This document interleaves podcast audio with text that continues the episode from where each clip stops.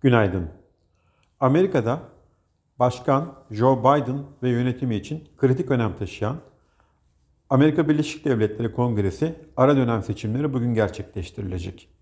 Hazine ve Maliye Bakanlığı verilerine göre Eylül ayında 79.3 milyar lira açık veren bütçe nakit dengesi, Ekim'de de 72.1 milyar lira açık verirken ilk 10 ayda verilen açık 160 milyar TL ile geçen yılın aynı döneminin iki katına çıktı. Bugün yurt içinde önemli bir veri akışı bulunmuyor. Yurt dışında Avrupa bölgesi perakende satışlar verisi takip edilecek. Bu sabah Asya borsaları alıcılı işlem görürken Amerika'da vadeli endeksler yatay işlem görüyor. Borsa İstanbul'da pozitif bir başlangıç öngörüyoruz. İyi günler, bereketli kazançlar.